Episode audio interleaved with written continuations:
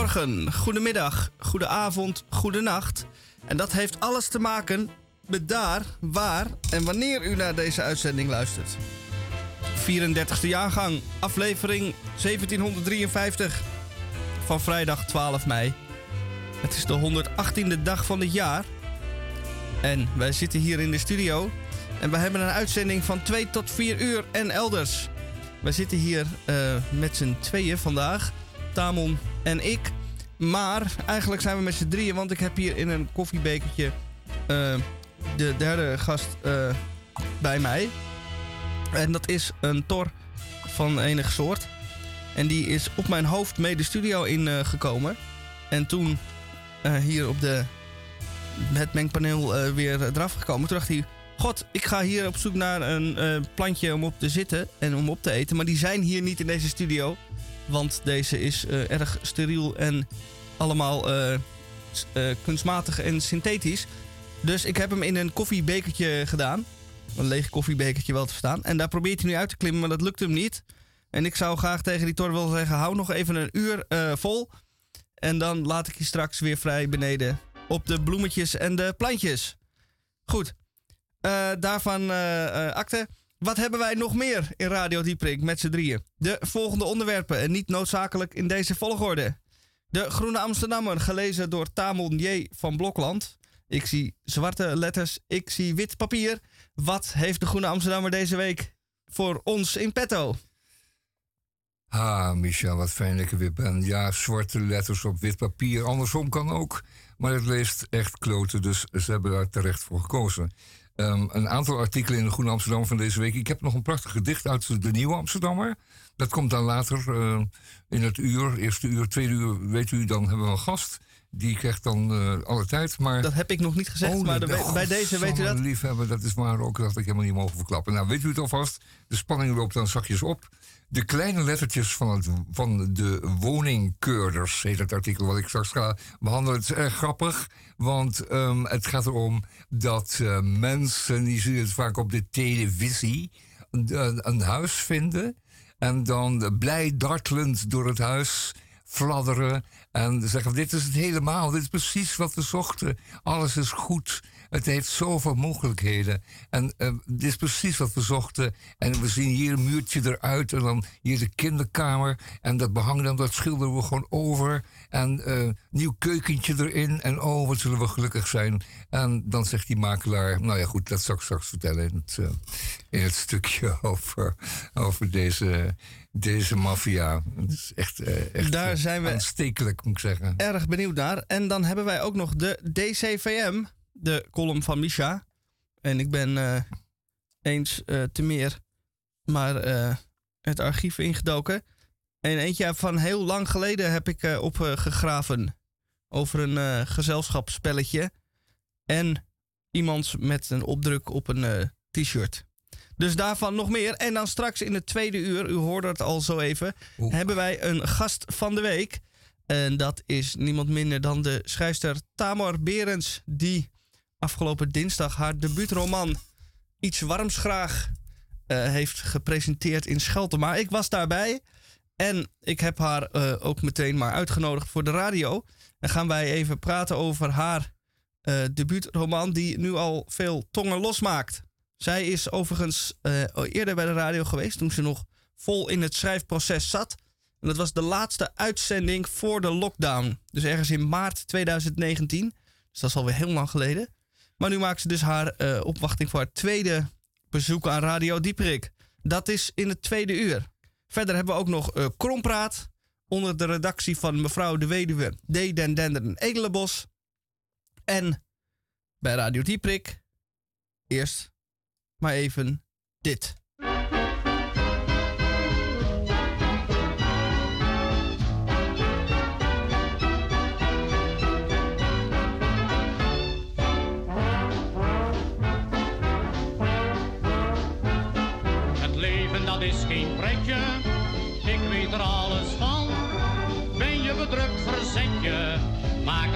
Je kan. Als je geluk wilt zoeken, hangt aan een zijden draad.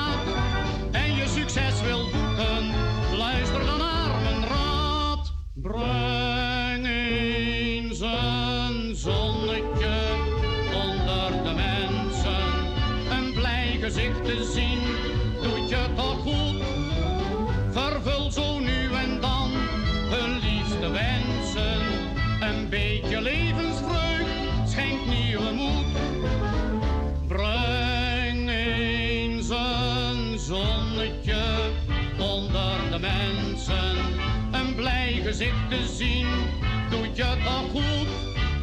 Vervul zo nu en dan hun liefste wensen. Het spreekwoord zegt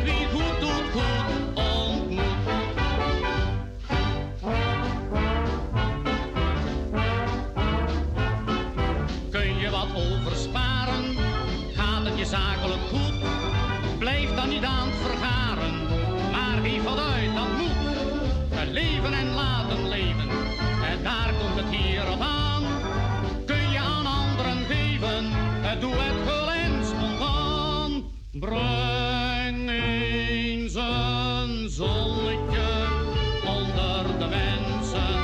Een blij gezicht te zien, doet je toch goed. Vervul zo nu en dan hun liefste wensen.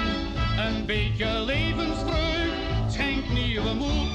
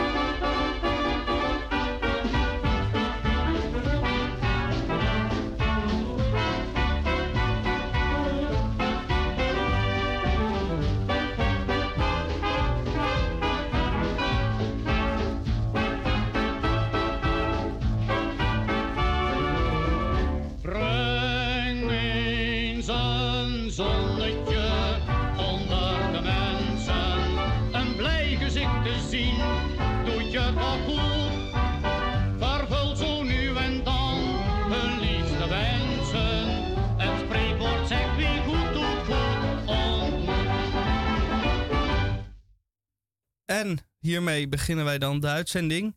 August de Laat en de Ramblers. Breng eens een zonnetje. En eh, dat is niet alleen een boodschap aan u mens, maar ook een eh, nadrukkelijke wens aan moeder natuur. Zou ik Eh, daaraan willen toevoegen. Ja, want het, het groeiseizoen vordert maar matig, Het valt nog niet mee. vond, vind ik. Ehm, weet je wat het is namelijk? Ehm, het groeit wel, dat kan natuurlijk ook niet anders. Omdat de natuur dat zo moet en wil. Maar ehm, ik weet niet, het heeft gewoon zon nodig. Wil het echt gaan bloeien en, en, en eh, vooral bloeien. Groeien doet het dan wel. Maar ja, goed. Nog even dan maar. Nog even doorbijten. We moesten al zoveel doorbijten. Verdomme, wat moeten we veel doorbijten de laatste tijd. Ehm, ik wacht nog eventjes met eh, de zwammen in de kruipruimte. Eh, het is allemaal naar aanleiding van een televisieuitzending die we zagen over eh, eh, van de redende rechter. Die, die moet altijd bemiddelen in dit soort gevallen. Mensen die laten zich ook graag besodemieteren en die zijn blij met wat ze zien. En kijken nauwelijks kritisch naar dat wat ze kopen. En komen dan even bij daglicht nog een keer kijken. En dan blijkt het allemaal toch helemaal anders te zijn. Eh, u weet het, het kopen van een tweedehands automobiel heeft ook zo zijn risico's. En ehm, alhoewel ik daar een heel, zelf een, persoonlijk een heel mooi verhaal over heb. Ehm, en het luidt als volgt. Eh, een neef van mij uit Canada die kwam een keer over. Uit Canada kwam een keer over. En die zou dan enige tijd doorbrengen. Nou, die bleef hangen. eh, in Nederland, in Holland, zoals ze dat noemden. En die vond het eigenlijk wel hier veel leuker dan dat saaie eh, het kuttige Canada waar hij vandaan kwam. En eh, hij besloot op een dag dat hij eh, wat meer van Europa zou willen zien. En of ik dan met hem mee kon om een tweedehands autootje te kopen waar hij dan mee rond kon reizen. En het, het speelt allemaal zo'n beetje begin 80 jaren, eind 70 jaren. En de keus viel op een Opel Ascona, een bruine, de kleur van apenstront. En ehm, dat ding dat zag er helemaal eh, gaaf uit. En we maakten een proefrit en ik was er niet ontevreden mee. En ehm, Wat blijkt nou? Hij heeft dat ding tien jaar lang door heel Europa gereden. Hij is er nog jaren mee naar zijn werk geweest. Het ding heeft zelden of nooit wat gemankeerd. Het was de meest uitstekende, de meest perfecte tweedehands klote Opel die je kon hebben. Het, uh, het bleef maar rijden. Het deed het altijd. Het startte eeuwig. Het reed, remde, het stuurde uh, door heel Europa. En op een dag, toen uh, had hij de auto geparkeerd bij zijn huis. En toen was er een, vond er een ontploffing plaats in het pand beneden hem.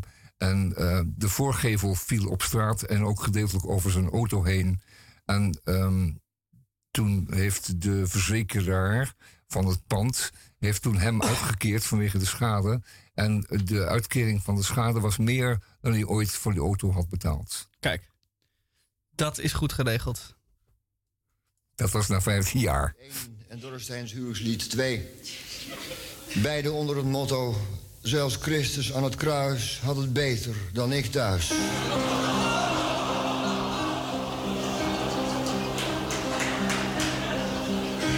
Dorresteins huwelijkslied 1.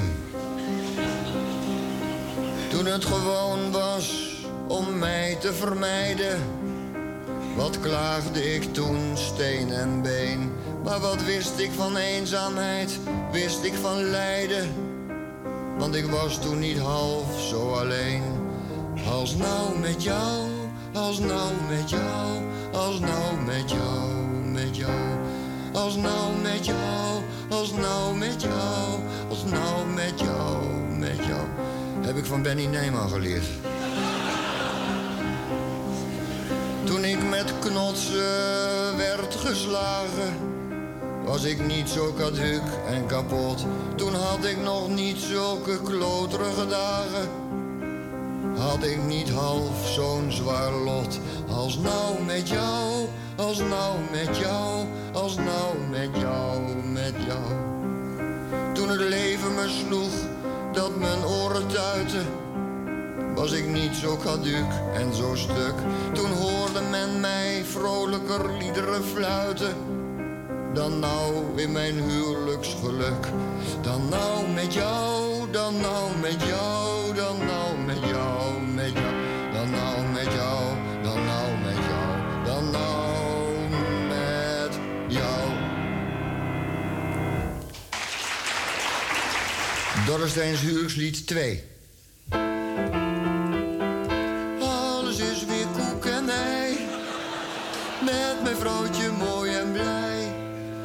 Na maanden vechten, knokken, strijden, mogen we elkaar weer leiden. Ik zit nog wel vol met blauwe plekken, maar die beginnen weg te trekken. Alles is weer koek en ei, met mijn vrouwtje mooi en blij. En met mijn linkeroog misschien, kan ik eind van deze maand weer zien nou nog paars en groen en blauw door de spierkracht van mijn vrouw. Maar alles is weer koek en ei met mijn vrouwtje mooi en blij. Ze lijkt zo tenger en verlegen, maar oh mijn god, spreek haar niet tegen. Want dan strompel je door het huis met je handen voor je kruis.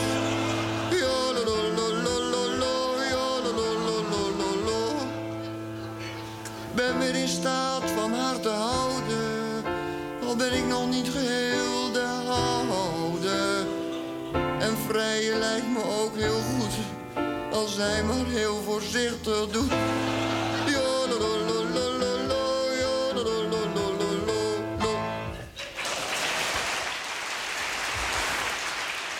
Altijd feest met Hans Dorrestein.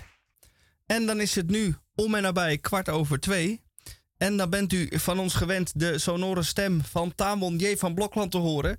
Die de Groene Amsterdammer tot zich genomen heeft. En zich deze week uh, vooral toelegt over op zwammen in de kelder. En wat hij daar precies mee bedoelt, gaat hij nu meteen verklaren.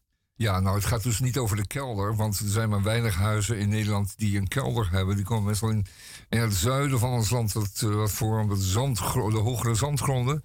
Maar wij hier aan de natte kant van Holland hebben geen kelders, we hebben uh, kruipruimte. Ander woord met een K. Ja, precies. En dat is die ruimte onder de vloerplanken van uw begane grondverdieping. Uh, zo net boven de grond. En um, wat is nou het geval? Um, als men een huis koopt, dan gaat het zo even over dat fladderend stel dat zo dolgelukkig door een nieuw verworven huisje loopt. En tegen elkaar roept dat dit nou echt helemaal alles was waar ze ooit van alles, uh, alles van droomden. En dan zegt zo'n makelaar dan, uh, we moeten misschien toch een uh, bouwkundig onderzoek laten uitvoeren. Want ik heb een, ik heb een, een, bureau waar ik altijd mee werk. En, um, en die kan ik aanraden, want die is ook niet zo duur. En dat moet u toch even laten doen. Nou goed, zeggen die mensen dan in godsnaam dan maar even snel. Uh, want ja, uh, ja, zegt die makelaar, u wilt toch geen kat in de zak kopen? Nee, nee, zeggen die mensen. Dat heeft u volkomen gelijk. Uh, laten we dan maar doen. Dus dan wordt de firma Perfect Keur, dat wordt alleen al, gebeld. En die stuurt dan een inspecteur. En die loopt hardrollend door het huis. En die hoeft niet in de kruipruimte te kijken. als hij het luik niet kan vinden. En als het niet perfect droog en toegankelijk is. En hij hoeft ook niet het dak op. Of uh, nadere inspectie te doen naar goten en dergelijke. Hij kijkt zo'n beetje eroverheen. En zegt dan, uh, vult dan een rapport in van 44 vooraf ingevulde pagina's. En dan mag u dan, dat mag u dan afrekenen. En, ehm, en dan kunt u in goed vertrouwen dat huis gaan kopen. Niet waar? Dat is nog maar een kleine stap. Even naar een notaris. Nog even langs de bank. En de makelaar maakt het allemaal lekker handenwrijvend in orde. Maar dan, dan uh, zijn er mensen die later, uh, als ze het niet helemaal vertrouwen, of als ze gelukkig kennissen hebben die aannemer zijn, of timmerman, of een beetje verstand van hebben, die laten toch nog maar eens iemand komen voordat, voordat er zo'n zo'n koopcontract wordt getekend. En voor een second opinion. En dan komt Fred Tokkie komt langs, bouwkundig inspecteur. En die gaat dus wel op zijn buik door het zand of de bagger onder de vloer om te kijken wat er allemaal te zien valt. In de bedompte duisternis, krop een halve meter hoog, komt af en toe een zweem rioollucht voorbij. Tokkie richt zijn zaklamp op een dikke rioolbuis van keramiek waarin grijze laag kalk aan vastgekoekt zit. Dit is de originele gresbuis, 100 jaar oud. Die lekt en moet worden vervangen door PVC. Dat kost een paar duizend euro, rekenen wij voor. Tijgerend onder de balken, waaraan dode spinnen in hun webben hangen, gaat het richting de kletsnatte achtergevel. Optrekkend vocht, de ventilatie is niet goed. Terug bovengronds vat Tokkie de bevindingen van zijn aankoopkeuring samen voor de potentiële kopers. Vloer eruit, riolering vervangen, vochtbestrijding, houtwormbestrijding, nieuwe vloer erin, reken maar op 25 ruggen. De makelaar staat er bedremmeld bij te kijken. Twee weken eerder was er al een keuring gedaan door een ander bedrijf. Meer dan zes ruggen aan de herstelwerk kwam daar niet uit. Het kapotte riool was de eerste inspecteur wel opgevallen, maar de kruipruimte ging hij niet in. De vloeren zijn niet of zeer beperkt inspecteerbaar, staat het in het registrapport. Juist. De aspirantkopers besluiten van het huis af te zien. Wie op het punt staat honderdduizenden euro's uit te geven aan een huis, wil de zekerheid dat er geen grote gebreken zijn, zoals een verzakte fundering, rottende vloerbalken of een lekkend dak. De gekte van de woningmarkt heeft een niche. Er is in de gekte op de woningmarkt een niche ontstaan voor keurbedrijven die suggereren zo'n kat in de zak te voorkomen. Ze werken met rapporten van tientallen pagina's dik. En het ziet er allemaal zeer uh, vertrouwenswekkend uit.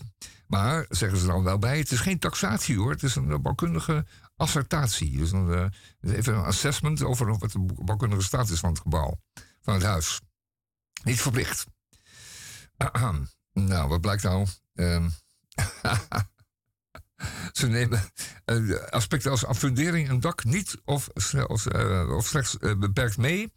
En het is een onderzoek van de Groene Amsterdammer over in deze wereld. En het blijkt aan alle kanten, alle kanten te lekken en te en te zijn. Want wat is het nou? Die, die bedrijven die, die, die, die, hebben inspecteurs lopen die er vier van die bouwkundige keuringen per dag moeten doen. En, want anders mogen ze niet langer werken voor het bedrijf. En um, dat gaat allemaal vlug, vlug en zo, zo. En um, er staan allemaal kleine lettertjes in contract. dat er, um, dat dienen de mensen dan goed van tevoren te lezen. Uh, de standaard bouwkundige verkeuring is een visuele inspectie. Ja, hoe kan het ook anders zijn dan een visuele inspectie? Als je niet onder de vloer gaat, dan uh, kan je dat helemaal geen inspectie noemen natuurlijk. Want in Nederland is natuurlijk die vloer, die fundamenten, uh, die zijn het belangrijkste van het huis. We staan nu eenmaal met z'n allen op uh, veengrond en gegarandeerd dat het uh, daaronder nat is. Of rot of, of anderszins iets mis mee is. Het is maar zelden dat je onder, onder de vloer komt. Het is allemaal mooi droog. En er hangen geen bolvormige zwammen aan de vloer. En daar rot en bruin rot, wat hebben we allemaal?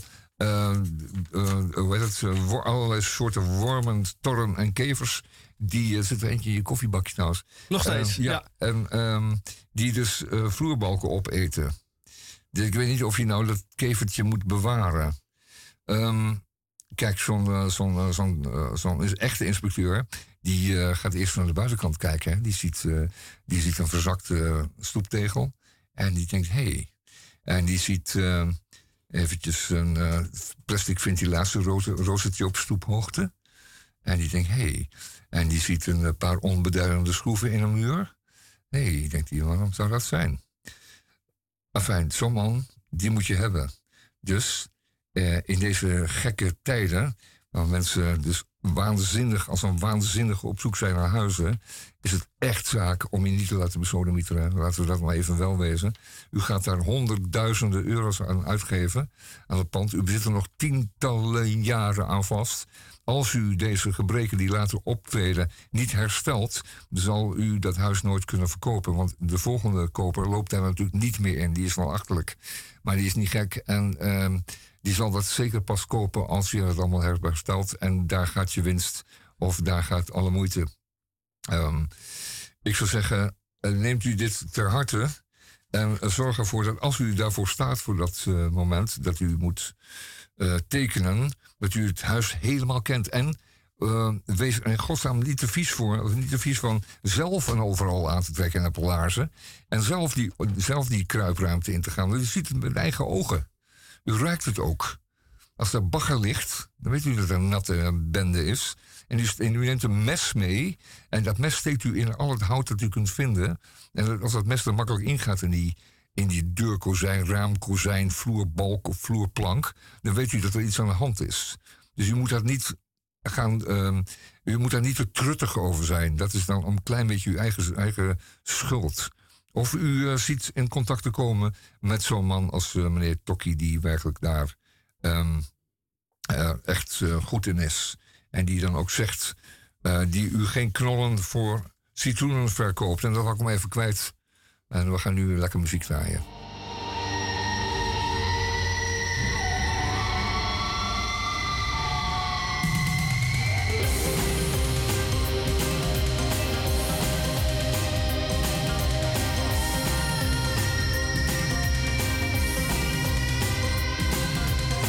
Ik kan niet zeggen dat ik iets tekort kom. Geen idee, geen benul wat de smaak van.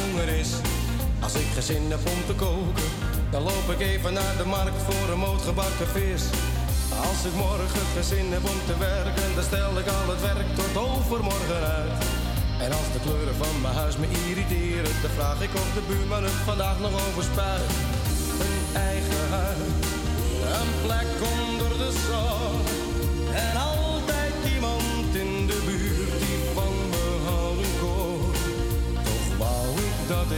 net iets vaker iets vaker simpelweg gelukkig was. Mm. Een eigen huis, een plek onder de zon. En altijd iemand in de buurt die van me houden kon.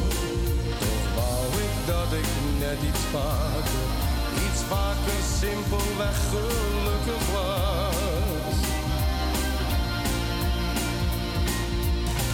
Ik kan niet zeggen dat ik iets tekort kom, geen idee, geen benul wat gebrek aan liefde is. Vandaag nog ik mijn derde videorecorder. Van nu af aan is het dus geen programma dat ik mis. Mijn vader en mijn moeder zijn nog allebei in leven.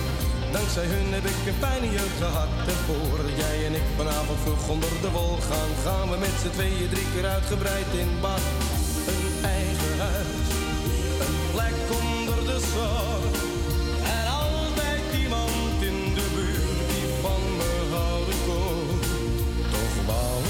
Ik net iets vaker, iets vaker simpelweg gelukkig was. Oh. Een eigen huis, een plek onder de zon. En altijd iemand in de buurt die van me houden kon. Toch wou ik dat ik net iets vaker, iets vaker simpelweg gelukkig was.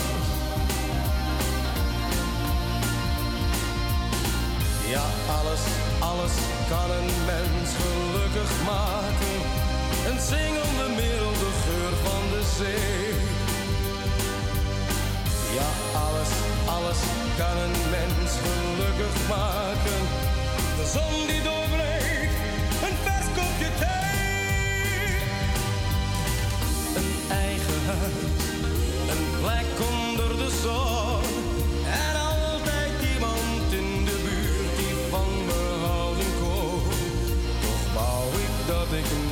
vaker, iets vaker simpelweg gelukkig was.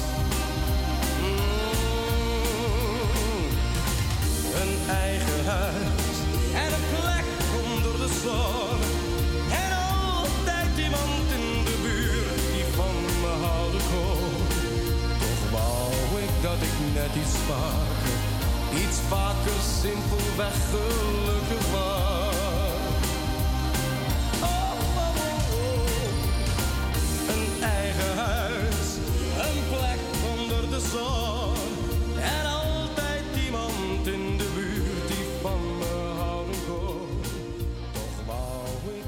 We hebben de zwammen in de kruipruimte behandeld. Of toch niet? Want is er nog een kleine bijlage? Nou ja, dit is nog een klein verslagje van wat je dan zo aantreft. Eh, u heeft het gehoord, hè? Een eigen huis, dat is ook een, heerlijk om te hebben. Je hoeft nooit meer huur te betalen. En je hoeft alleen maar je kozijntjes eh, eens in een paar jaar te schilderen. En dan ben je helemaal onder dak. En zorgeloos en vrij en heerlijk. Het luik naar de kruipruimte blijkt onder de deurmat bij de buurvrouw te zitten. Inspecteur Bogaert trekt een wit pak aan, opent het luik en ruikt meteen rattenkeutels. Ondergronds komen terecht in een golvend landschap van duizenden schelpen. Dat is een bodemafsluiter die er waarschijnlijk ingegooid is vanwege eerdere vochtproblemen, zegt Bogaerts. Over de knerpende schelpen tijgeren we verder. Aan de vloerbalken hangen bloemkoolachtige uitsteeksels. Vruchtlichamen van houtzwam. De, sommige balken voelen nat, andere zitten onder de bruine spikkels. Bruinrot.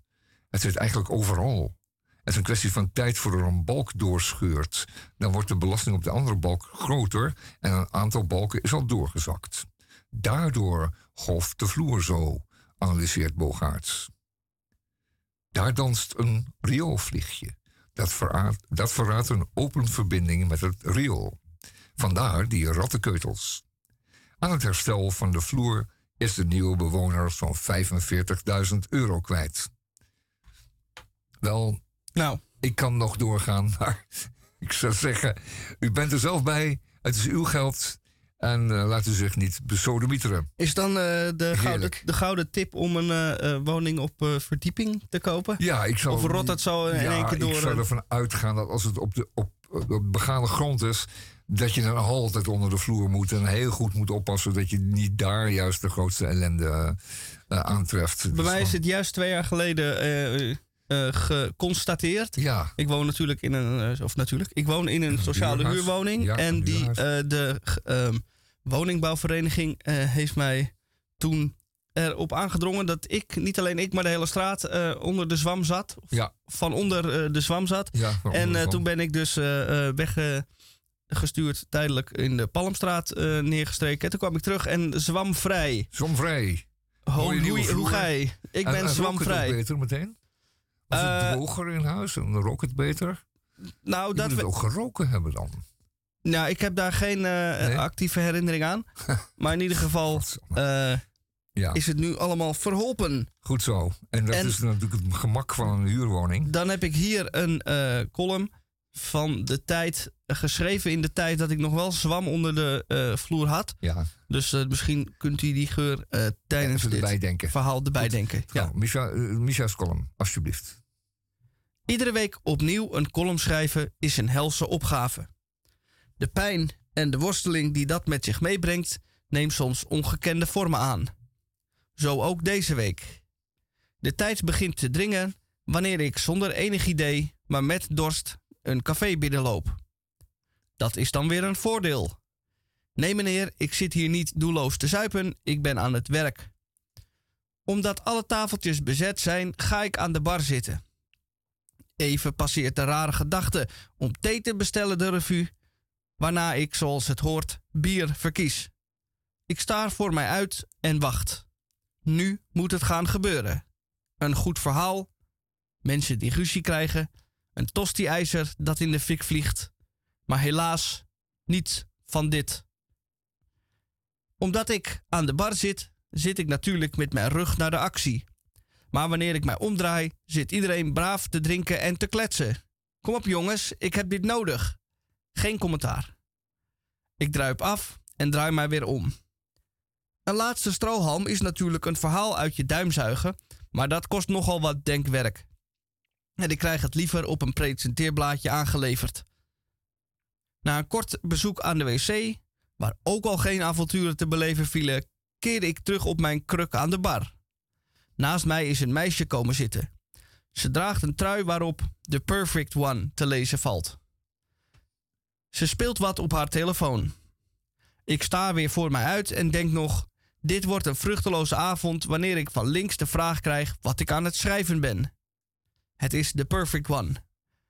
Ik geef een eh drankontwijkend antwoord en wij raken in gesprek. Dit gesprek houdt enige tijd stand wanneer zij plots vraagt of ik zin heb om een spelletje te doen. Ik kijk iets wat verbaasd en geef geen antwoord waarna zij er Jatzee aan toevoegt. Ah, Jatzee. Ja, ik stem in en zij loopt enthousiast de keuken in op zoek naar het spelletje Jatzee, dat in dit café aanwezig moet zijn, verzekert zij mij. Ze blijkt hier gewerkt te hebben in het verleden. Ze komt terug en ik voel, vo- en voor ik het weet ben ik tweeën twee drieën aan het vasthouden omdat ik nog drieën moet. Ondertussen vertelt ze mij dat ze uit Brabant komt en dat drie kussen geven bij een afscheid daar in het zuiden gebruikelijker is dan hier in het noorden. Hier houdt men het bij één kus en een knuffel. Iets waar ze toch aan moest wennen in het begin. Na soeverein, zoals altijd, het spelletje gewonnen te hebben, vraagt zij enigszins voorzichtig of ik rook. Ik moet erkennen dat de goede voornemens mij ook, ook niet bereikt hebben en we lopen naar buiten waar het serieus waait. Buiten treffen we een of andere Fransman uit de Bourgogne en zij probeert hem uit eh, te leggen dat Fransen toch wel erg vasthouden aan de Franse taal en dat dat voor moeilijkheden zorgt omdat Engels de algemeen geaccepteerde internationale taal is. De Fransman begrijpt de vraag niet omdat het een Fransman is en zij herhaalt de opmerking. Na een derde en zelfs vierde poging zijn taalgebrek duidelijk te maken, staakt ze de onderneming. Mijn sigaret op en dat is maar beter ook, want ik sta hier te bevriezen in deze kou. Als we weer terug binnen zijn, vertelt ze dat ze toch echt wel zo naar huis moet, omdat ze morgen om 9 uur nog het een en ander moet inleveren voor haar studie. En aangezien het al half twaalf is, zal het wel nachtwerk worden, voegt ze eraan toe. Hier kijk ik van op en ik wens haar suc- succes. Ik krijg één kus en één knuffel, zoals het hoort hier in het noorden, en ze is weer weg. En dan heb ik het toch maar makkelijk zo hier aan de bar, waar de verhalen zo aankomen waaien.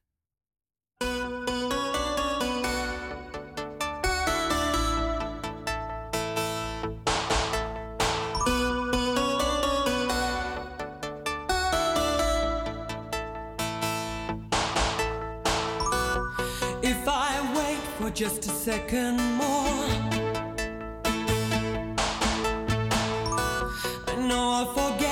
what I came here for.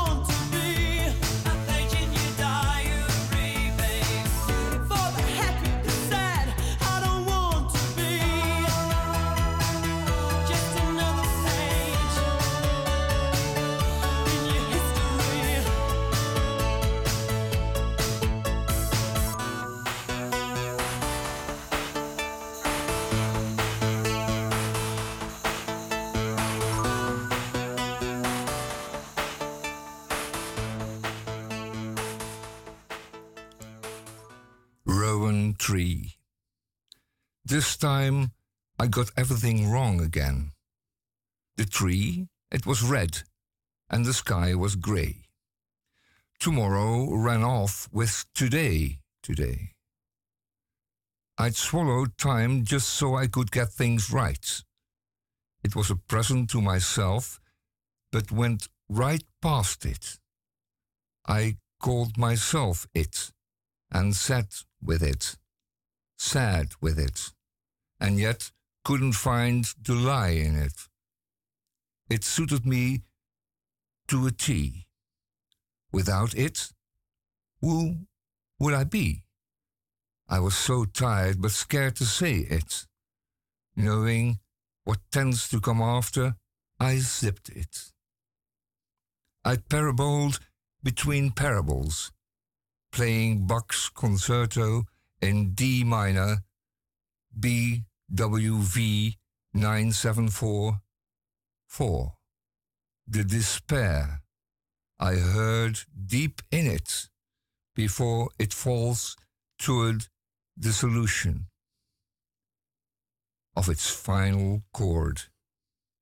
That's when, in the great silver apogee of night, I stepped out into the warm air and stripped the roan that had been growing there bare until it was barely there, roots crowning its nadir, and everywhere crowning beware, beware.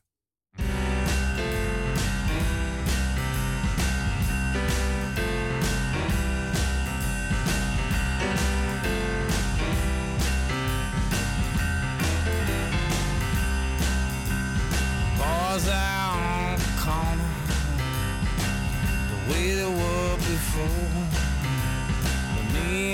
don't go down there with my money anymore. Yeah, I can still remember when it used to kill the pain. But I woke up every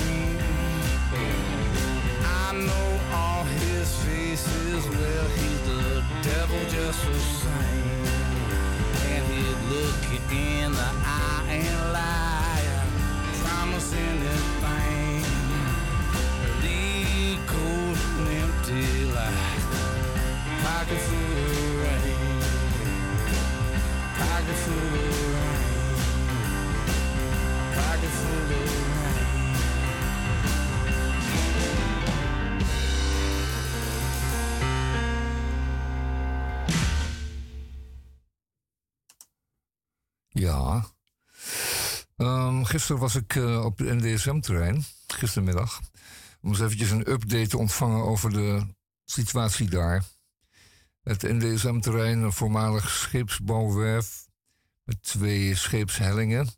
Eh, diverse kranen staan daar nog. En er zijn nog altijd een aantal eh, maakbedrijven gevestigd. Bedrijven die gewoon machines hebben, een hal, waar staal wordt gelast, waar hout wordt geschaafd en waar mensen aan het werk zijn met vuile poten en overals.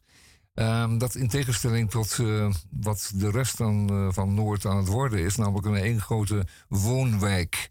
En voorheen was natuurlijk eh, er veel meer bedrijvigheid van dit, deze aard en soort hier in, in Amsterdam-Noord. En ehm, de beweging is helaas dat ehm, deze bedrijvigheid van, het, van de overal en de stevige handen, dat die verdwijnt uit Amsterdam-Noord. Het wordt steeds verder aangehaakt, steeds meer mensen hebben bezwaar tegen een haakse slijper, het geluid van één boormachine en ehm, deze bedrijven worden langzamerhand de buurten uitgeduwd, gejaagd of anderszins verdreven. Omdat er natuurlijk op hun plaats, op de plaats van hun bedrijf, een 17, eh, hoge, 17 verdiepingen hoge woongebouw gezet kan worden met een oneindige inkomstenpyramide en een, eh, een, een mooie som geld voor de vastgoedondernemer. En eh, niet te vergeten de het, eh, het, het ondernemende gemeentebeleid van, eh, van langdurige erfpachtcontracten en eh, allerlei soorten belastingen op den duur. Ehm, dus wat was ik daar aan doen? Ik was op bezoek bij een eh, aantal bedrijven die daar op het NDSM-terrein nog steeds een maakbedrijf zijn. Dus die, hebben daar machines waar dingen worden gecreëerd, waar, eh, waar, eh, waar mensen eh, in opdracht van aftekeningen eh, apparaten, ehm, laten we zeggen, schepen of andere machines of dergelijke maken. Hè. Er komt iets uit hun handen. En eh, een aantal van die bedrijven zijn eh, gelegen vlak aan het water, daar bij de, waar de pont aanlandt. En dat eh, rijtje bedrijven dat daar staat, is nu bezig als ware het een dorpje van Asterix en Obelix om zich te weer te stellen tegen de steeds verder oprukkende ehm, vastgoedondernemers en ehm, woningbouwers die daar eh, actief zijn, zeker op het NDSM-terrein. En jaar in, jaar uit proberen ze bij de overheid, in dit geval de gemeente Amsterdam, ehm, ruimte te vragen voor hun werk en voor hun plaats daar in Amsterdam-Noord. Het moet, vinden zij, bewaard blijven. Deze oeroude, laten we zeggen, aanwezigheid in Amsterdam-Noord, en dan heb je het echt over honderden jaren, want dat is altijd al een stuk waar gemaakt werd, eh, moet behouden blijven. Al was het alleen maar om mensen te laten zien dat niet alles geschiet achter een Formica-tafeltje met een Apple-computer daarop. Daar kun je niets mee maken. Daar kun je alleen maar, laten we zeggen, digitale onzin mee verkopen. En eh, dat, werkt, dat helpt de mensheid bepaald niet vooruit. Enkele voorbeelden van die eh, maakbedrijven daar zo aan het water eh, van eh, het ei, daar zo op het NDSM-terrein, zijn bijvoorbeeld een aantal scheepsintérieurbouwers en scheepsbouwers die daar eh, schepen verbouwen tot, eh, tot zeilschepen, tot, eh, tot zeilende vrachtschepen. En dat is een buitengewoon goed initiatief waarbij er wordt geanticipeerd op een verandering, een wereldwijde verandering in het mondiale vrachtvervoer. Namelijk van smerige diesel en stookolie eh, eh, rokende schepen naar betere en schonere vormen van eh, internationaal vervoer. Het is niet zo dat schepen, zo gauw ze buiten gaan zijn, de vuilste en de smerigste stookolieën verstoken in hun machines. Die lopen daar blijkbaar ook op. Eh, maar die zorgen ervoor dat de mondiale vervuiling en de CO2-productie werkelijk gigantisch is van deze hele industrie. En van het vervoer in het algemeen. Veel erger dan bijvoorbeeld die kerosinevliegtuigen. Uh, niet in verhouding. En deze mensen hier in, op de NSM-werf, die maken van schepen zeilende vrachtschepen. Die gaan dus op zeil, op eh, windkracht, naar bijvoorbeeld de Caraïbe om daar vracht te halen en te brengen. Op een manier die volstrekt eh, sustainable is en die eh, de mensheid alleen maar voordelen brengt. zij ons de koffie, wij hun koffie en zij ons papier en wat ze verder nog nodig hebben. In ieder geval, prachtige initiatieven. En ehm, ik was blij om te horen dat het eh, goed met ze gaat en dat het eh, de goede kant op gaat. En wellicht eh, komt het allemaal nog goed. Maar ik hou, op de, ik hou je op de hoogte. Voorlopig maar eventjes deze.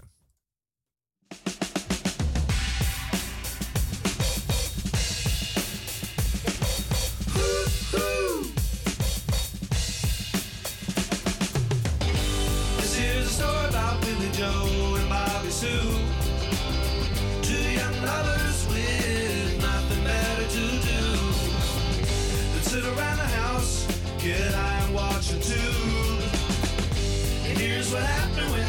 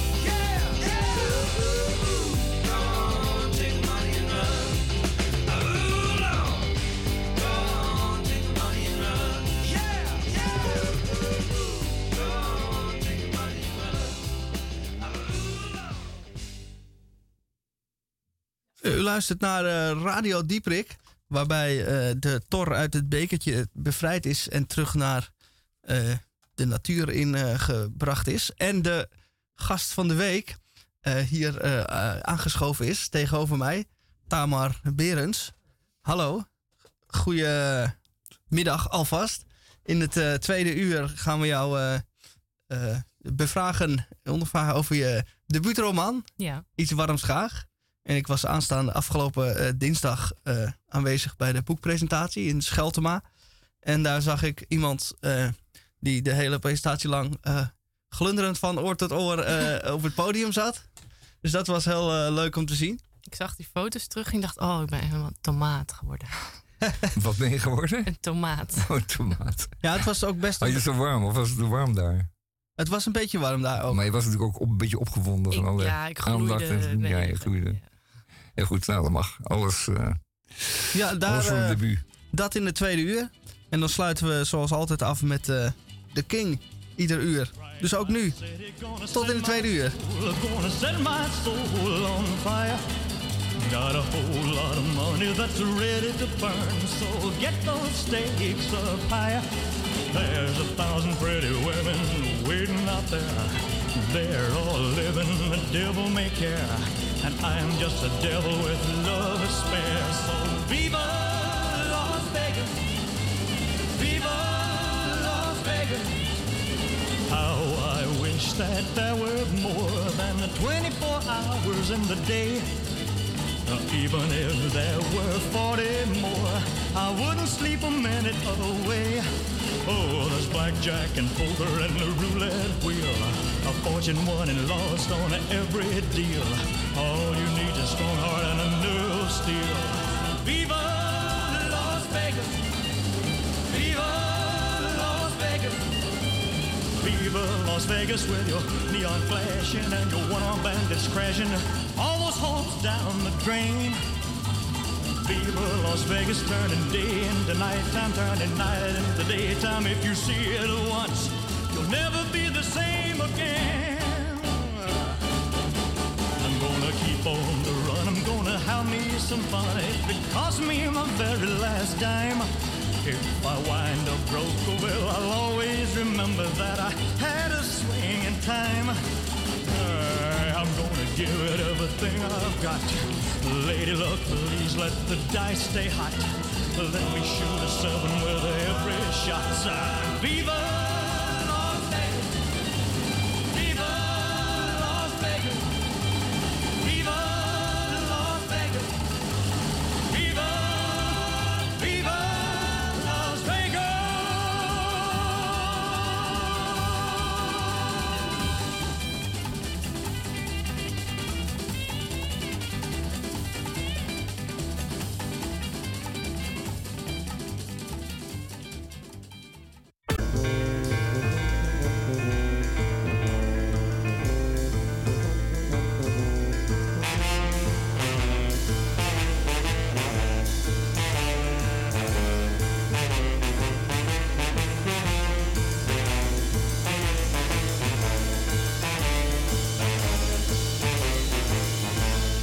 Goedemorgen, goedemiddag, goedenavond, goedenacht. En dat is volledig afhankelijk van daar, waar en wanneer u naar deze uitzending luistert. Radio Dieprik, het tweede uur van aflevering 1753. Eh, het is de 118e dag van dit jaar, 12 mei. En wij zitten hier in de studio nu weer met z'n drieën. eh Tamon, ik en onze gast van de week, Tamar Berens.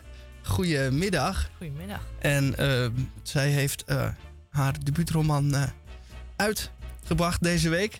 En ze heeft al een opwachting gemaakt bij Radio 4. Eh, ze zal verschijnen in de krant en bij radio en tv. Maar ehm, je leven als kunstenaar is natuurlijk pas compleet wanneer je je opwachting maakt bij Radio Dieprik.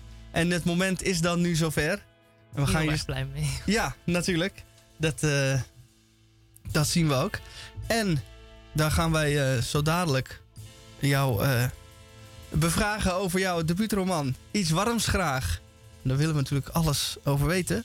Maar bij Radio, voor, eh, bij Radio Dieprik, eerst maar even dit. Yo, you telling you telling? What you telling me? Yeah, I got stacks to the right of me. I got Mikey to the left of me. Huh? Wait.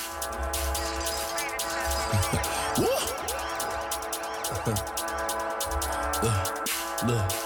What uh, hold on. What they talking about? What them folks talking about? Huh? Look, buddy gon' get that, get that, get that, get that. Send shots, make him get back. All that chit chat, chit chat, riff rap, riff rap. My niggas ain't into that. Nigga be talking hot, but he ain't on shit. I got like 50 rounds up in this clip. If I know the jump, nigga, I plead the fifth. Uh, Cause mommy still gon' love a kid. Niggas tryna lock me up and give me a bit. Huh? I'm like, nigga, fuck the pigs. The judge like, why you acting like a dick? I said I'm moving like I'm Steven Vick. My lawyer like, puppy, why you bracing? I said I pop a perk and feel amazing. Shoot for the stars, I'm a foundation. Huh? Look at the money I'm raising. She wanna fuck, hold on. She stuck in a book, have a wait for arraignment. She get thick at edible arrangements. That's the only form of payment. Shorty is slack. And after I slack, I'ma blow her back. She like, Bobby, you so crazy. Huh? I told her, wine on me, baby. On. She wanna start, she wanna fuck her, she know who we are. These hoes be dirty, I ain't hearing them talk. When they come to hoes, I got bitches galore. She wanna grip that, lick that ass with a stick at. Freak bitch from my dick where her lips at. She going no gas, no chit chat. She going no gas, no chit chat. Hey, bum bum bum bum. Here come that boy with the drum. If I pull it out, then that boy gonna run. If he want the smoke, knock the beef out his bun. Hey, I go dumb dumb dumb. Air it out, leave him slump slump slump. Fuck what they say, they know that I'm Gucci. Pull out with a pump pump pump.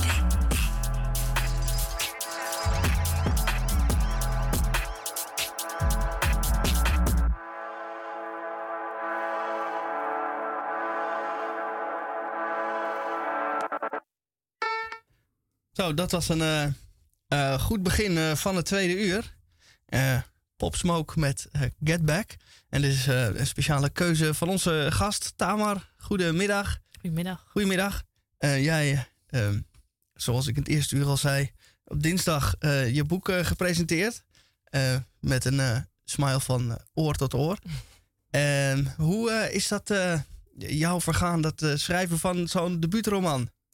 Ja, dat was heel heftig. Ehm, ik heb hele hoofdstukken bij echt uitgeramd. Dat ik heel boos was en daardoor hele slechte dingen geschreven. Want de pure woede is eigenlijk niet zo heel interessant om te lezen, omdat je dan alleen maar zo op je toetsenbord hebt.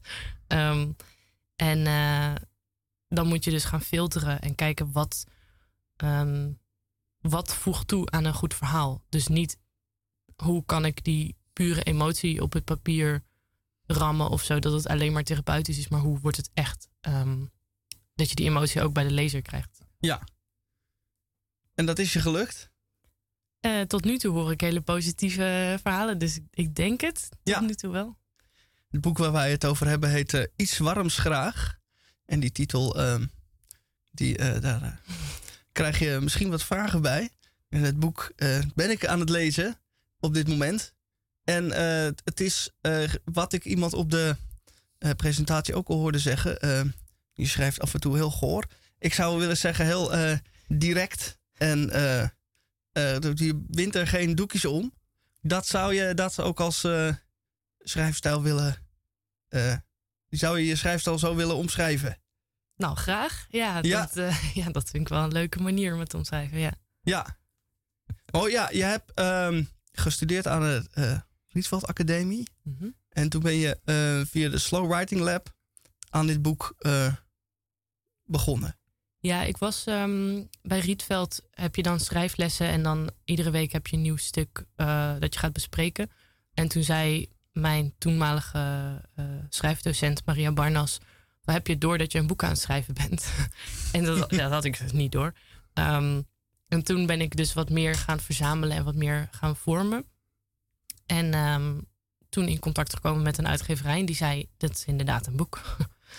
ja. Ja, en toen is het balletje gaan rollen. Ja. Mooi. Ja, het boek eh, gaat over eh, Ronja. En zij woont eh, in de Bijlmer in Zuidoost. En zij werkt in de zorg. Mhm. Ja. En hoe vergaat haar dat leven in Zuidoost? Ehm, ze komt uit een, een dorp. Ehm, en daar heeft ze geleerd om geen oogcontact te maken met mannen op straat. Ehm, er zijn überhaupt in zo'n dorp niet zoveel mensen, ook dus niet op straat. En in de Belmer is een enorme straatcultuur. En was iedereen de hele tijd op straat. En spraken ze haar ook de hele tijd aan. Eh dan heet het van meisje, goedoe, schatje. En op een gegeven moment denkt ze, nou weet je, fuck it. Ik eh, ga erbij staan. Eh, ze zoeken het maar uit. En dan denken die mannen ook eh, er, er komt nooit iemand. Eh, wat is dit nou? Die zijn dan met stomheid geslagen dat... eh, Precies. ja. ja. En dan, ehm, dan denken ze dus van, nou, misschien moeten we haar dan maar beschermen als ze zomaar op mannen afstapt. en dat doen ze dan ook. En dan ontfermen ze zich een beetje over haar. Ja. Mooi. En ehm, eh, verder in het boek gaat er het een en ander mis, waardoor zij besluit naar Suriname te gaan. Ja. Ja.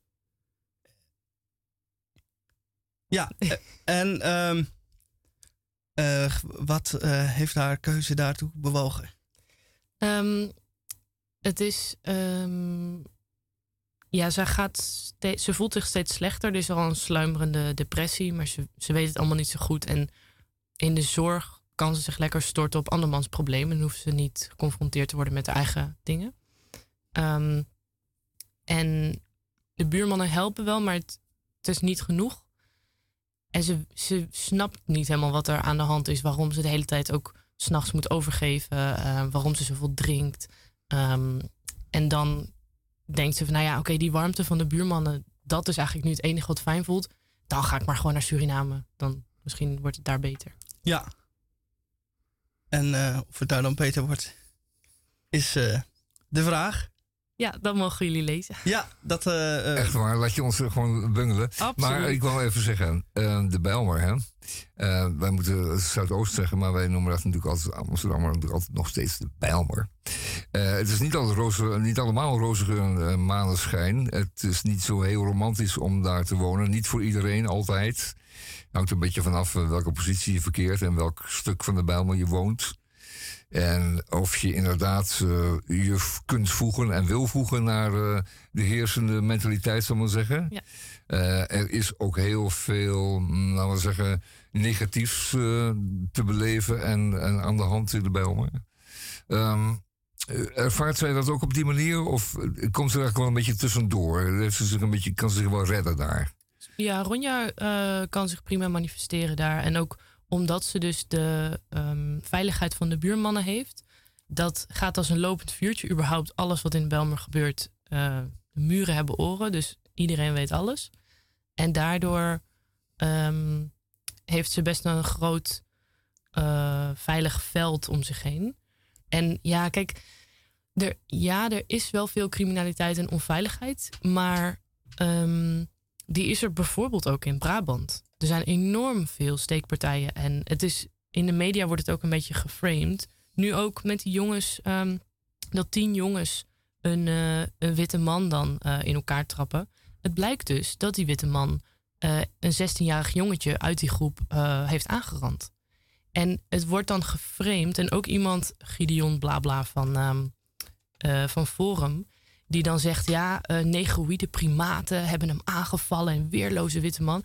Het is een bepaalde manier van hoe alles wordt neergezet. Terwijl deze jongens, die, die wilden gewoon de metro pakken naar huis of zo.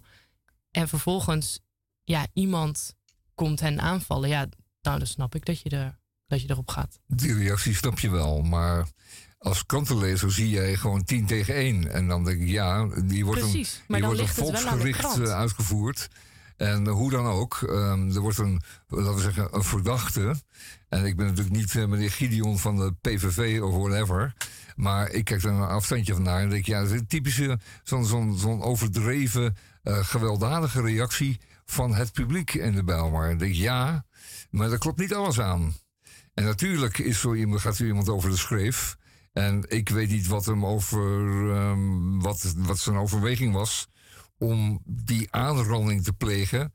Denk maar om iedereen tienen die een, eh, in elkaar te trappen en het eh, spoor op te gooien. Dat is dan ook weer iets van, van ik zeg nou wel weer typisch. Iets Ja, wat nou. totaal uit de klauwen loopt. Ik denk en dat iedereen, allemaal emotie is. iedereen die een 16-jarig jongetje aanrandt, het verdient eh, om door tien jongens in elkaar getrapt te worden. En eerlijk, ik doe mee de volgende keer. Als ik het zie, ik doe Oh. mee, ja. Oh, Oké, oké, oké. Goed, Juist. nou, dat, dat, dat is in ieder geval lekker duidelijk. Heel goed. Ja, ga even terug naar Dus het dan boek. voel je ook je muziekkeuze wat beter. In het eh, eh, boek eh, Iets Warms Graag staat ook de, eh, eh, de man en de Surinaamse man eh, centraal. Mhm. Eh, in hoeverre heb je je inspiratie daar vandaan gehaald? Ehm, ja, jeetje, in hoeverre. Ehm, ik ben. Ik, ik, heb dus zelf tien jaar in de Belmer gewoond en ik ben ook naar Suriname geweest. Ehm, dus in die zin heb ik gewoon heel direct inspiratie kunnen halen uit mijn eigen omgeving.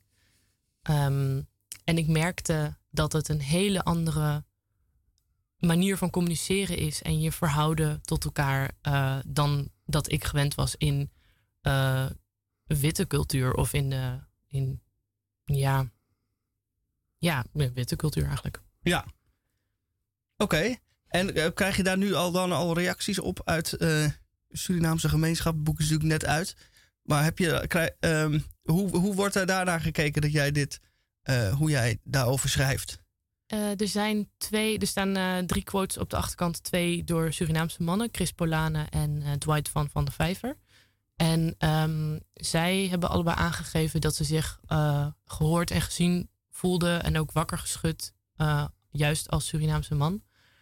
Ehm, dus in die zin alleen nog maar positief. Ja, eh, Chris eh Polane was ook de presentator Ja. en de ondervrager bij de presentatie. En die zei inderdaad dat hij zich eh, gehoord en ge- gezien voelde, maar ook ermee geconfronteerd werd. Ja. Ja, je zei net al dat je gewoond hebt in de Bijlmer, dat je werkt in de zorg en dat je ook naar Suriname gegaan bent in het verleden. Dan schrijf je bij de disclaimer, en ik pak hem er even bij om het eh, goed te zeggen. Eh, hoewel werkelijke gebeurtenissen en personen de inspiratie vormden tot het schrijven van dit boek, berusten zowel het verloop van het verhaal als de personages op fictie. En dat is natuurlijk eh, goed om dat erbij te vermelden. En wat ik me dan afvroeg, en misschien is dit iets wat ik dan zelf snel aan zou denken, maar als je dan iets schrijft wat dan al dan niet enigszins op de werkelijkheid eh, berust, eh, houdt het je dan nog tegen? Of dat je denkt, god, diegene kan dit ook eh, gaan lezen? Of heb je daar geen enkele moeite mee eigenlijk?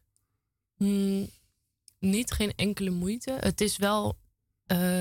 in het begin stond het verhaal heel dicht bij mij. En kon ik eigenlijk geen. ehm, was er eigenlijk geen scheiding tussen mij en het verhaal. Of mij en Ronja of zo. Maar naarmate het verhaal vorderde en groeide. Eh, kwam ik daar compleet los van te staan. Dus Ronja is nu echt als een soort depressief zusje van mij. En ook de mensen waar het in, helemaal in het begin op eh, leek die karakters in mijn hoofd zijn, zien die er nu ook heel anders uit. En ja, die zijn niet meer hetzelfde. En ik heb wel, als er dan hele concrete stukken waren waarvan ik dacht, ik heb dit gesprek echt met iemand gevoerd en dit laat ik nu door dit karakter zeggen, dat ik wel heb gezegd, ik heb dit eh, gesprek ehm, verwerkt in mijn tekst. Wat vind je ervan? En eh, ben jij zo goed vertegenwoordigd? Of wat voel je hierbij? Ehm, en daar heb ik eigenlijk alleen maar positieve reacties op gehad. Oké. Dus je hebt het eh, al besproken en nu eigenlijk een beetje de realiteit en de fictie eh, van elkaar gescheiden. Ja, daardoor. ja. ja. mooi. Ehm, wij hoorden aan het begin van de uitzending al een nummer van de, de speellijst van Tamar. Die speellijst bevat nog veel meer nummers.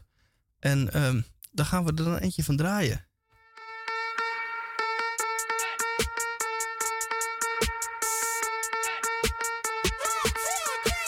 Welcome to the circus. I'm causing a disturbance. I'm twisted in the head. I'm a little bit annoying. I'm gross. I'm sick. I'm too legit to quit. Got bitches showing tits and boys moshing in the pit. It's a rocket in my pocket, and I'm not gonna stop it. And if I see a target, guarantee that I'ma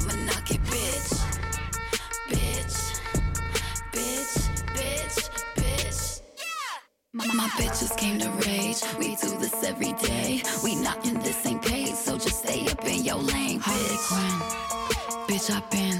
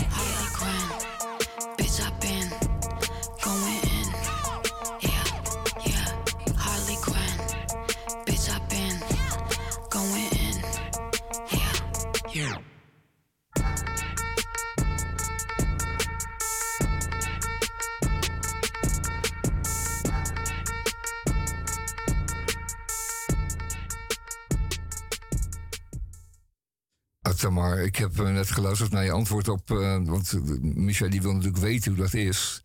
Wij allemaal natuurlijk als luisteraars. Maar je zei iets van, ja, de mannen die ik zo opvoer, de karakters in mijn boek. En dat zijn de mannen die ik in de Bijlmer heb leren kennen in mijn tienjarig eh, wonen daar. Ehm, die voelen zich inderdaad wel gezien en gehoord. Maar ik heb er ook een spiegel, in feite een spiegel voor gehouden. En dat waarderen ze dan ook, zeg jij.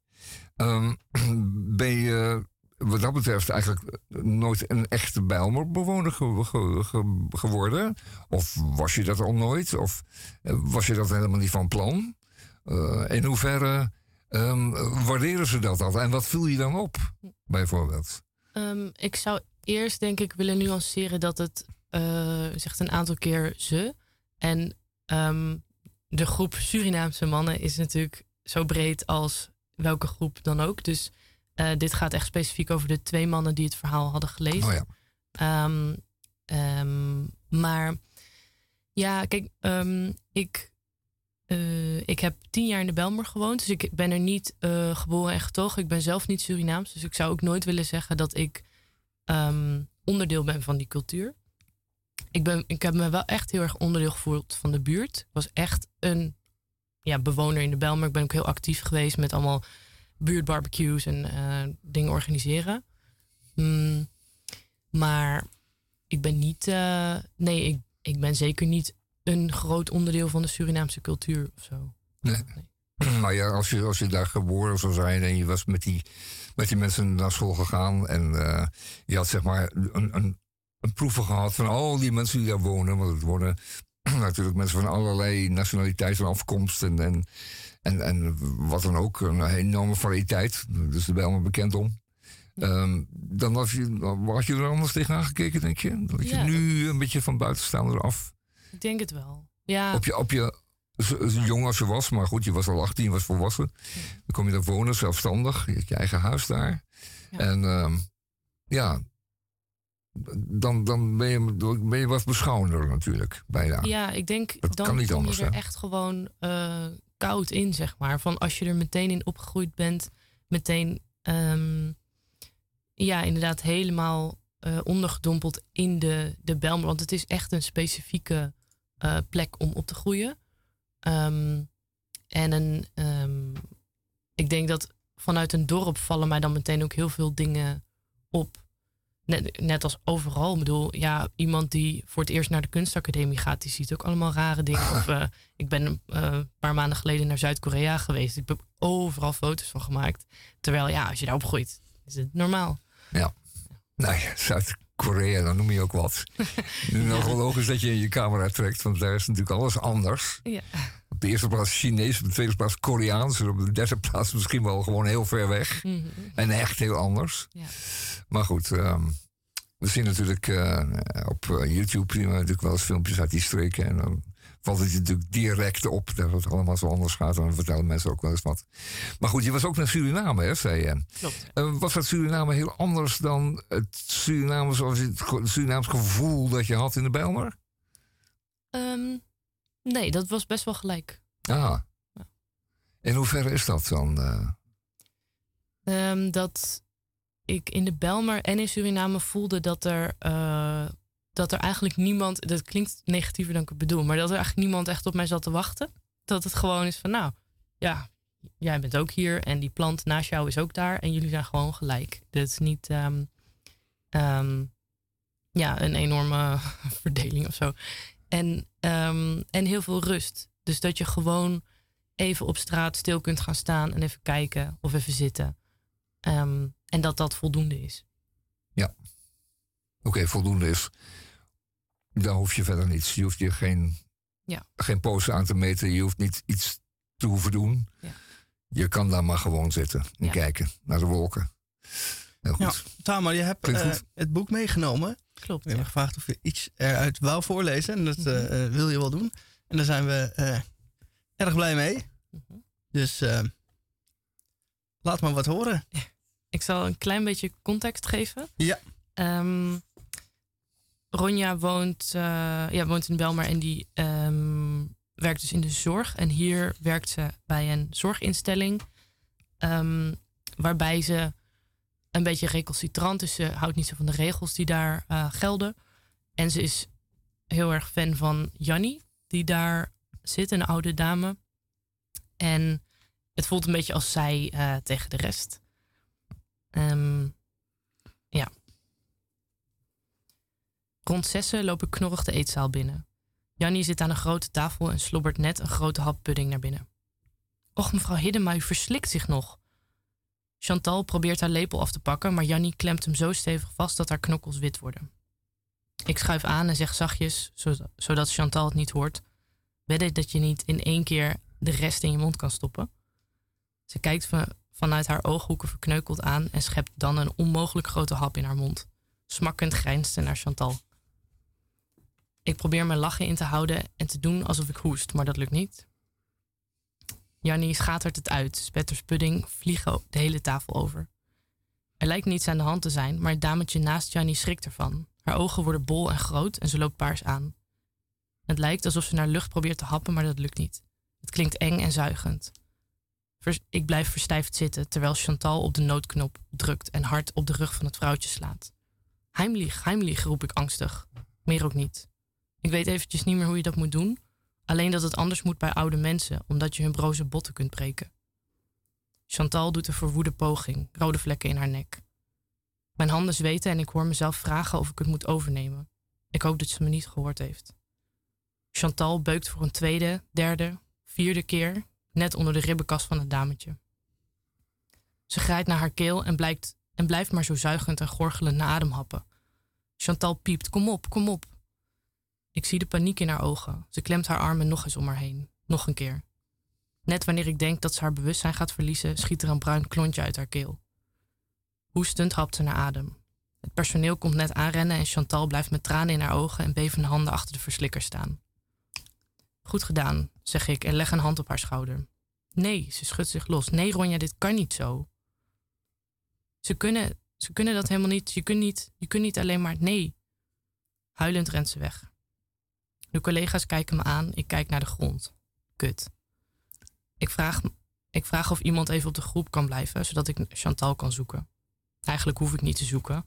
Ik weet zeker dat ze direct naar het kantoortje van de manager is ge- gerend. Grappig hoe ik altijd geleerd heb om niemand met tranen te laten zien. Even flink te blaren op de wc, tranen wegvegen, gezicht wassen. Vaak knipperen, kin heffen en door. Terwijl zij het liefst zo snel mogelijk al haar tranen toont aan iedereen en snikkend iedereen in de arm vliegt.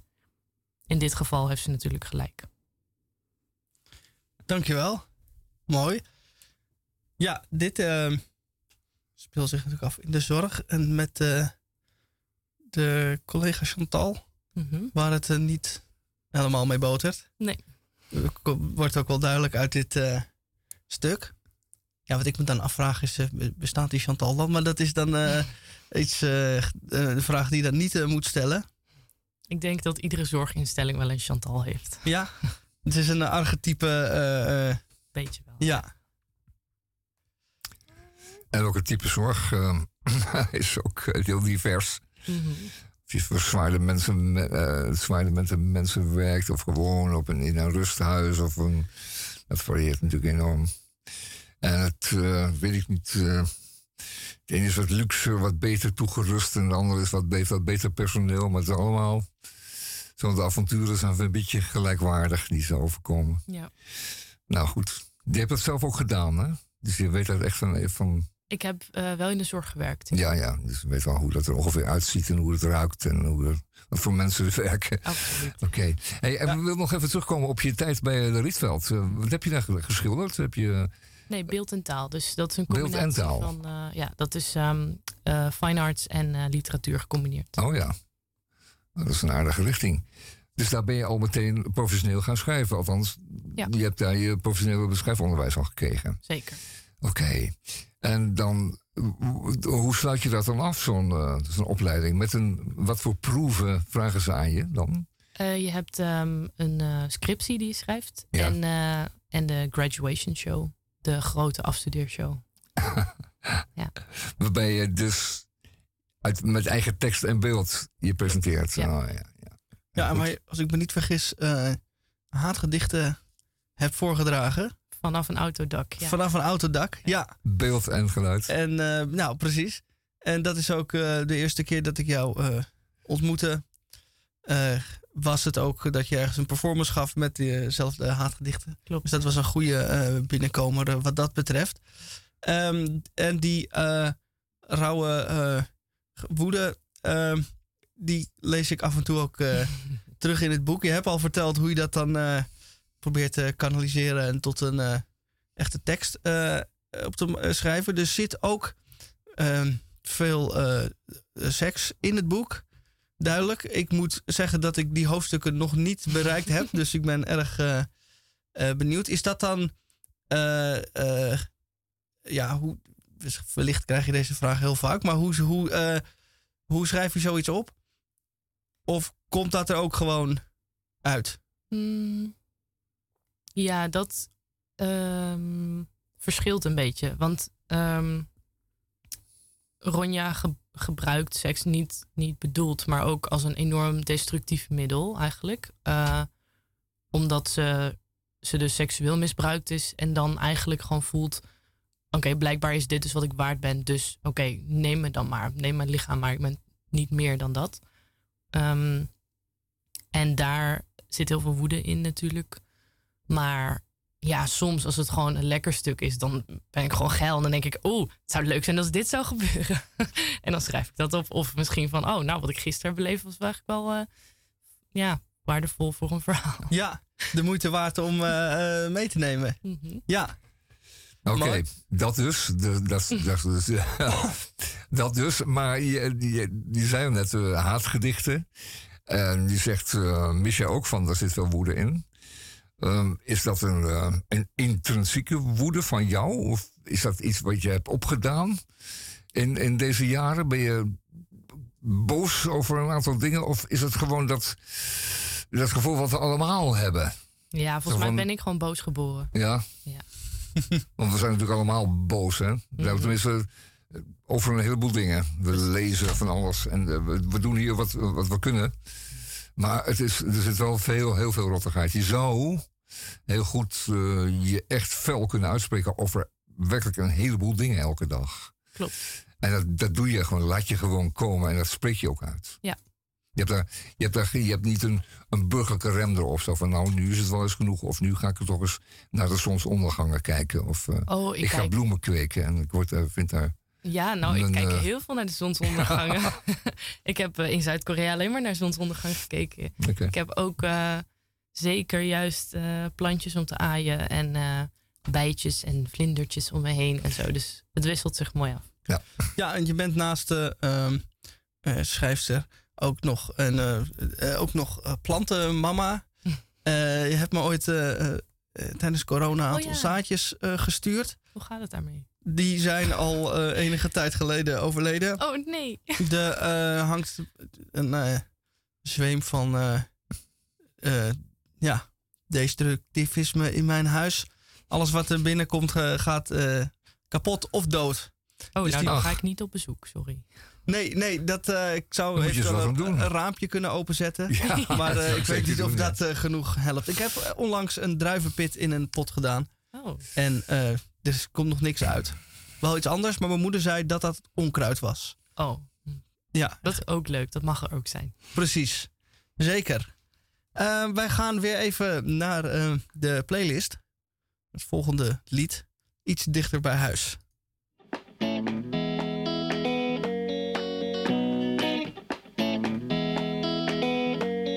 Hey, ik heb geen probleem, gefixt. Ik wou nog iets zeggen, maar ik weet niet meer, dan was het zeker niks. De dag is nog jong, ze trilt in de zon. Ik tel de echo's in het trappenhuis, ik hoor iemand zingen. Hey, ik wil alleen maar zwemmen. Hey, hey, de stad houdt zich dom.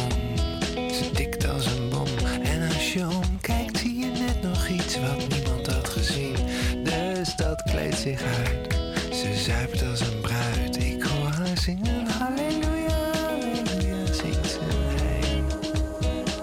Ik wil niet horen wat de dokter dacht. Of wat je doet als het zo door blijft gaan. Ik wil niet weten wat dat geintje nou uiteindelijk nog heeft opgebracht. Ik wil alleen maar zwemmen.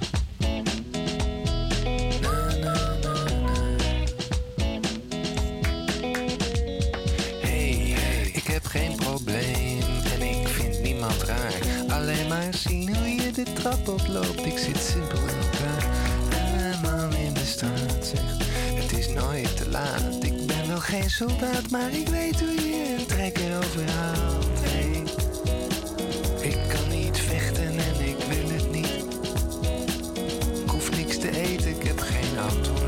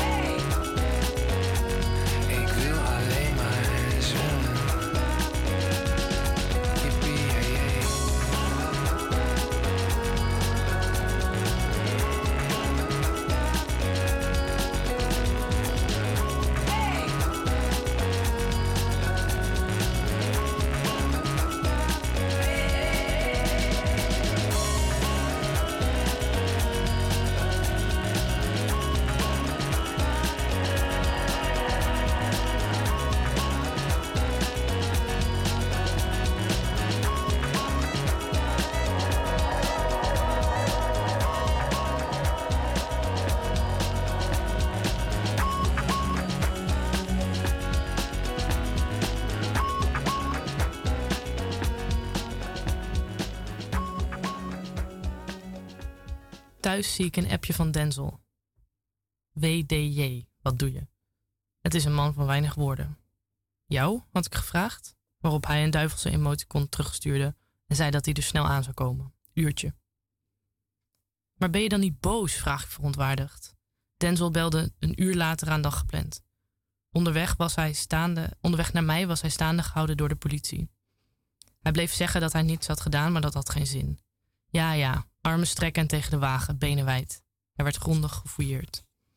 Waar was u rond tien over tien? Bleven ze maar vragen.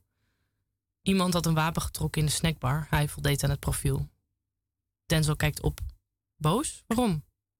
Waarom? Het is toch doffe ellende? Je hebt toch niks gedaan? Hij lacht een beetje. Kijk, Ronja, jij vindt het erg, maar ik ben het gewend. Ik kan niet eens meer boos zijn. Met mijn armen over elkaar ga ik naast hem zitten. Niet meer knuffelen? vraagt hij. Misschien, anders had je mij mogen bellen en dan had ik ze kunnen vertellen dat jij het niet was. En wat? Ik stop met praten en geef hem een duwtje. Wat lach je nou? Jij bent echt wit, jij. Iedereen willen helpen. Je bent zelf nog nooit opgepakt en hoe wil je mij gaan beschermen? Ik kijk voor me uit. Ik word er gewoon boos van, mompel ik. Boos zijn is een luxe.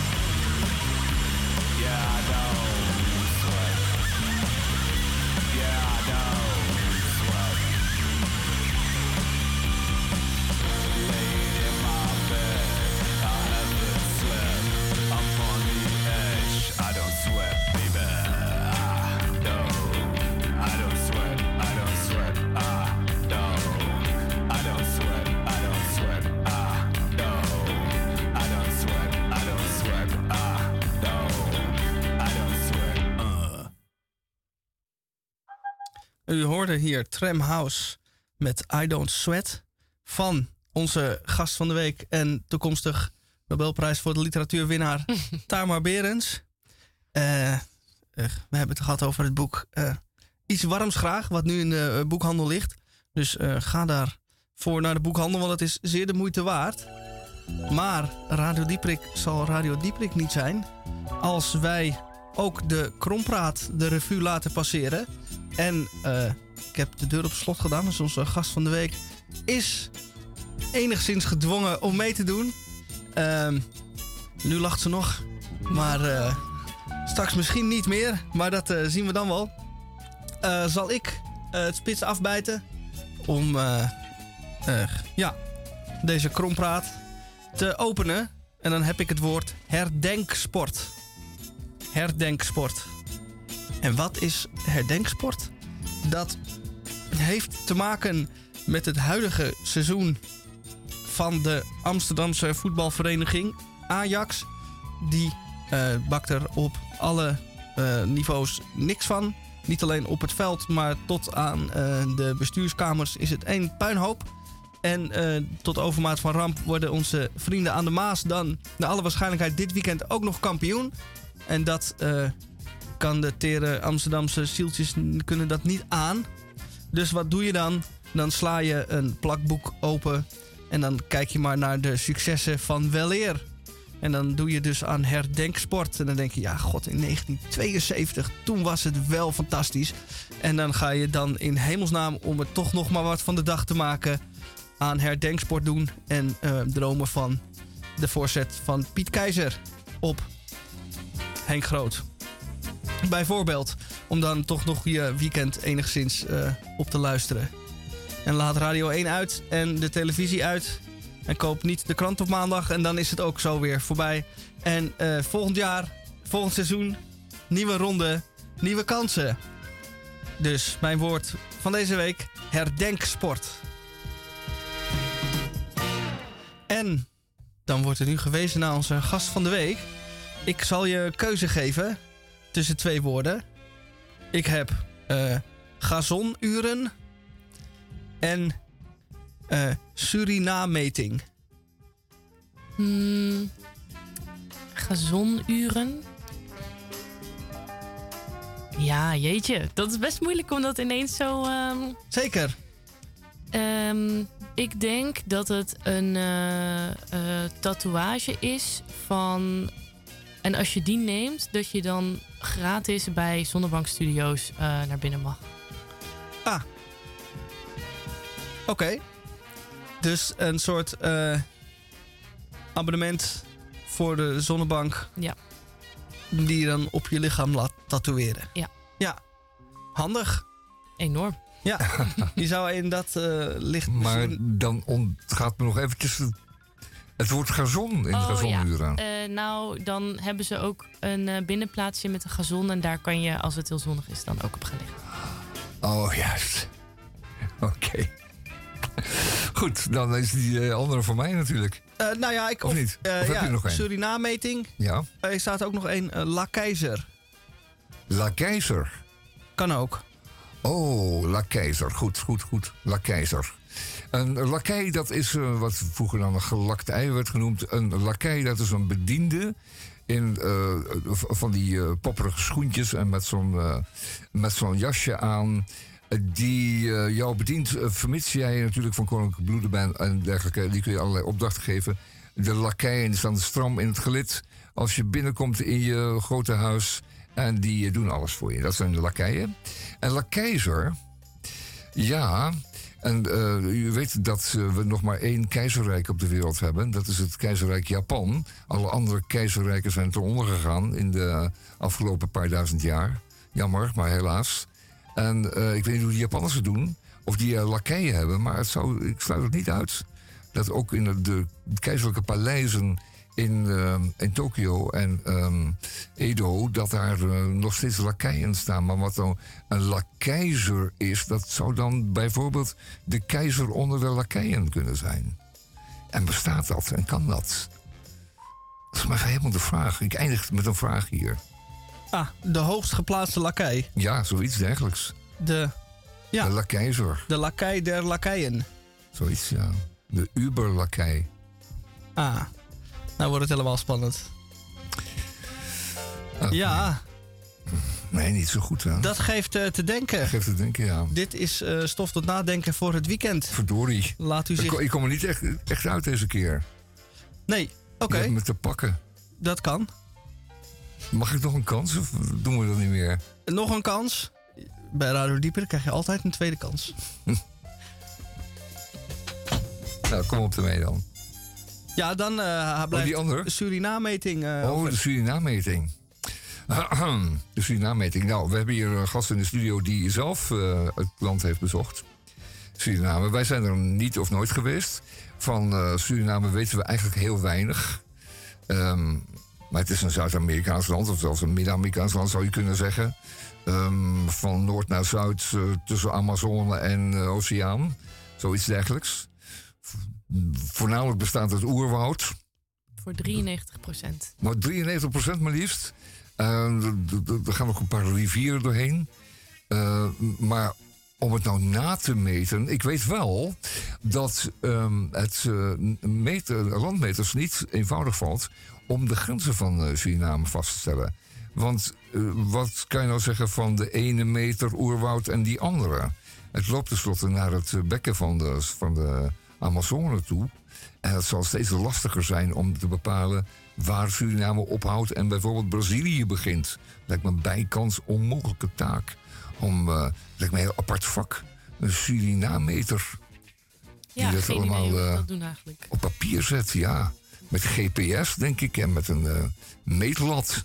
Zo van hier houdt het op en daar begint het andere. Ja. En ehm, wat ze dan ook hebben, is een, een soort influx van illegale goudzoekers en zo. Want die zijn in dat verre oerwoud, waar het ene land in het andere overgaat, natuurlijk ook niet of nauwelijks te bespeuren. Het lijkt me ook een hele aparte attractie om daar eh, rond te doden. Ben je er ook geweest toen of niet? In dat, in dat verre oerwoud? Ja, zeker. Ja, ga je dan met een, met een, eh, een bootje of een prauw de rivier af? Ja, dan... ehm, Of zijn er wegen?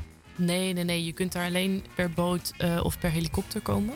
Ja. Eh, en ook in de grote rivier kan je wel zwemmen, maar er is een enorm sterke stroming, dus daar moet je goed opletten. En in de, sommige eh, vertakkingen van de rivier kan je gewoon niet erin, omdat de piranha's je gewoon eh, opvreten. Aha. Ja. Ja, vind ik allemaal nou weer. Ja. Moet je toch in het plastic pierbadje dan? Ja, ja, jammer. Nou ja, dat is de natuur, hè, zullen we zeggen. Suriname-meting. Ik heb het geprobeerd. Zeker. En daar zijn we je eh, zeer dankbaar voor.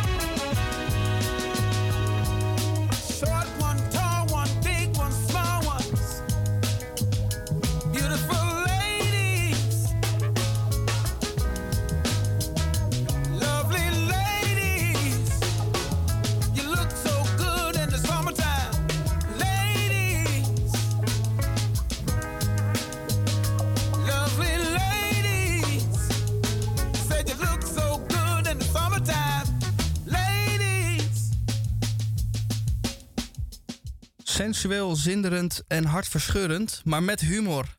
Tamar schreef een gedurfde roman waarin ze de Surinaamse mannen stuk voor stuk levensecht neerzet. Ik heb hoofdstukken ademloos gelezen, is de quote van eh, Chris Polane over het boek Iets Warms Graag eh, van onze gast eh, van de week Tamar Berends. Eh, koop dat boek, want het is zeer de moeite waard. En wij willen je alvast enorm bedanken dat je aanwezig was bij Radio Dieprik. Jullie bedankt dat ik hier mocht zijn. Ja, graag gedaan. Je bent eh, altijd welkom om eh, waar dan ook over te praten. En mee te doen aan de krompraat. dat mag eh, ook altijd. Leuk. Ja, Hey Tamar, ik wilde je nog wel even wat vragen, want je mag niet zomaar weg zonder dat je vertel, verteld hebt of je nou. Ben je, ben je tevreden met het boek? Heb je, zeg maar, als, als kunstenaar, CQ eh, schrijver, wat gewoon een vak is, heb je het gevoel van: ik heb iets goeds afgeleverd, ik, ik kan erachter staan, ik ga er met vertrouwen die interviews in die ik allemaal nog ga krijgen? Ja, ik sta er volledig Ja? achter. Ja. Ah, dat is goed. Dat is goed. En dan gaan wij het kopen. Dan, dan gaan wij als, als eh, luisteraar, lezer, gaan wij dat lezen, dat boek. Ik ben benieuwd wat je ervan vindt. Ja, dat zal ik je laten weten. We zijn op voorhand al fan van je, Tamar. Omdat je zo eh, bij ons in de studio bent geweest. Ben je een eeuwig fan. daar heb je zeker een streepje voor. Zeker voor. Ja. Ga ik lezen. En eh, bij deze sluiten we dan de aflevering. Verdorie, is alweer zover. Deze aflevering van Radio we- af. En welk nummer was het ook weer? Eh, 1700? 1753. Kun je nagaan. En volgende week dus 1754. Ehm, en eh, dan sluiten we wederom af met eh, Elvis Presley. En dan wens ik iedereen een eh, fijn weekend. Drink niet te veel, maar ook niet te weinig. En tot, eh, tot volgende week.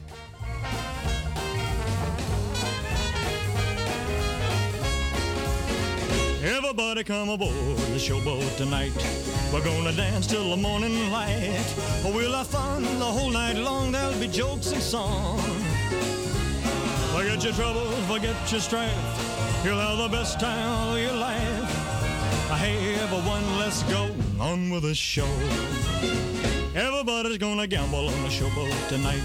The big casino is lit up bright. Can you lose? Just wear a grin, you'll be sure to win. Now, lady looks waiting there inside. The wheel of fortune's about to ride. Hey, everyone, let's go on with the show. We're down by the levee. The boat's at the bank. Bring money to spend. You're welcome, my friend. Just walk up the plank. Everybody come aboard the showboat tonight. Let's look around at the happy sight. We guarantee that you'll have a ball. Come on, on and on. Oh, what a great night you've got in store. You wanna keep coming back for more. Hey, everyone, let's go on with the show. What a great night you've got in store. I said you wanna keep coming back for more. Hey, everyone, let's go on with the show. Great night you got in store. You wanna keep coming back for more. Hey, everyone,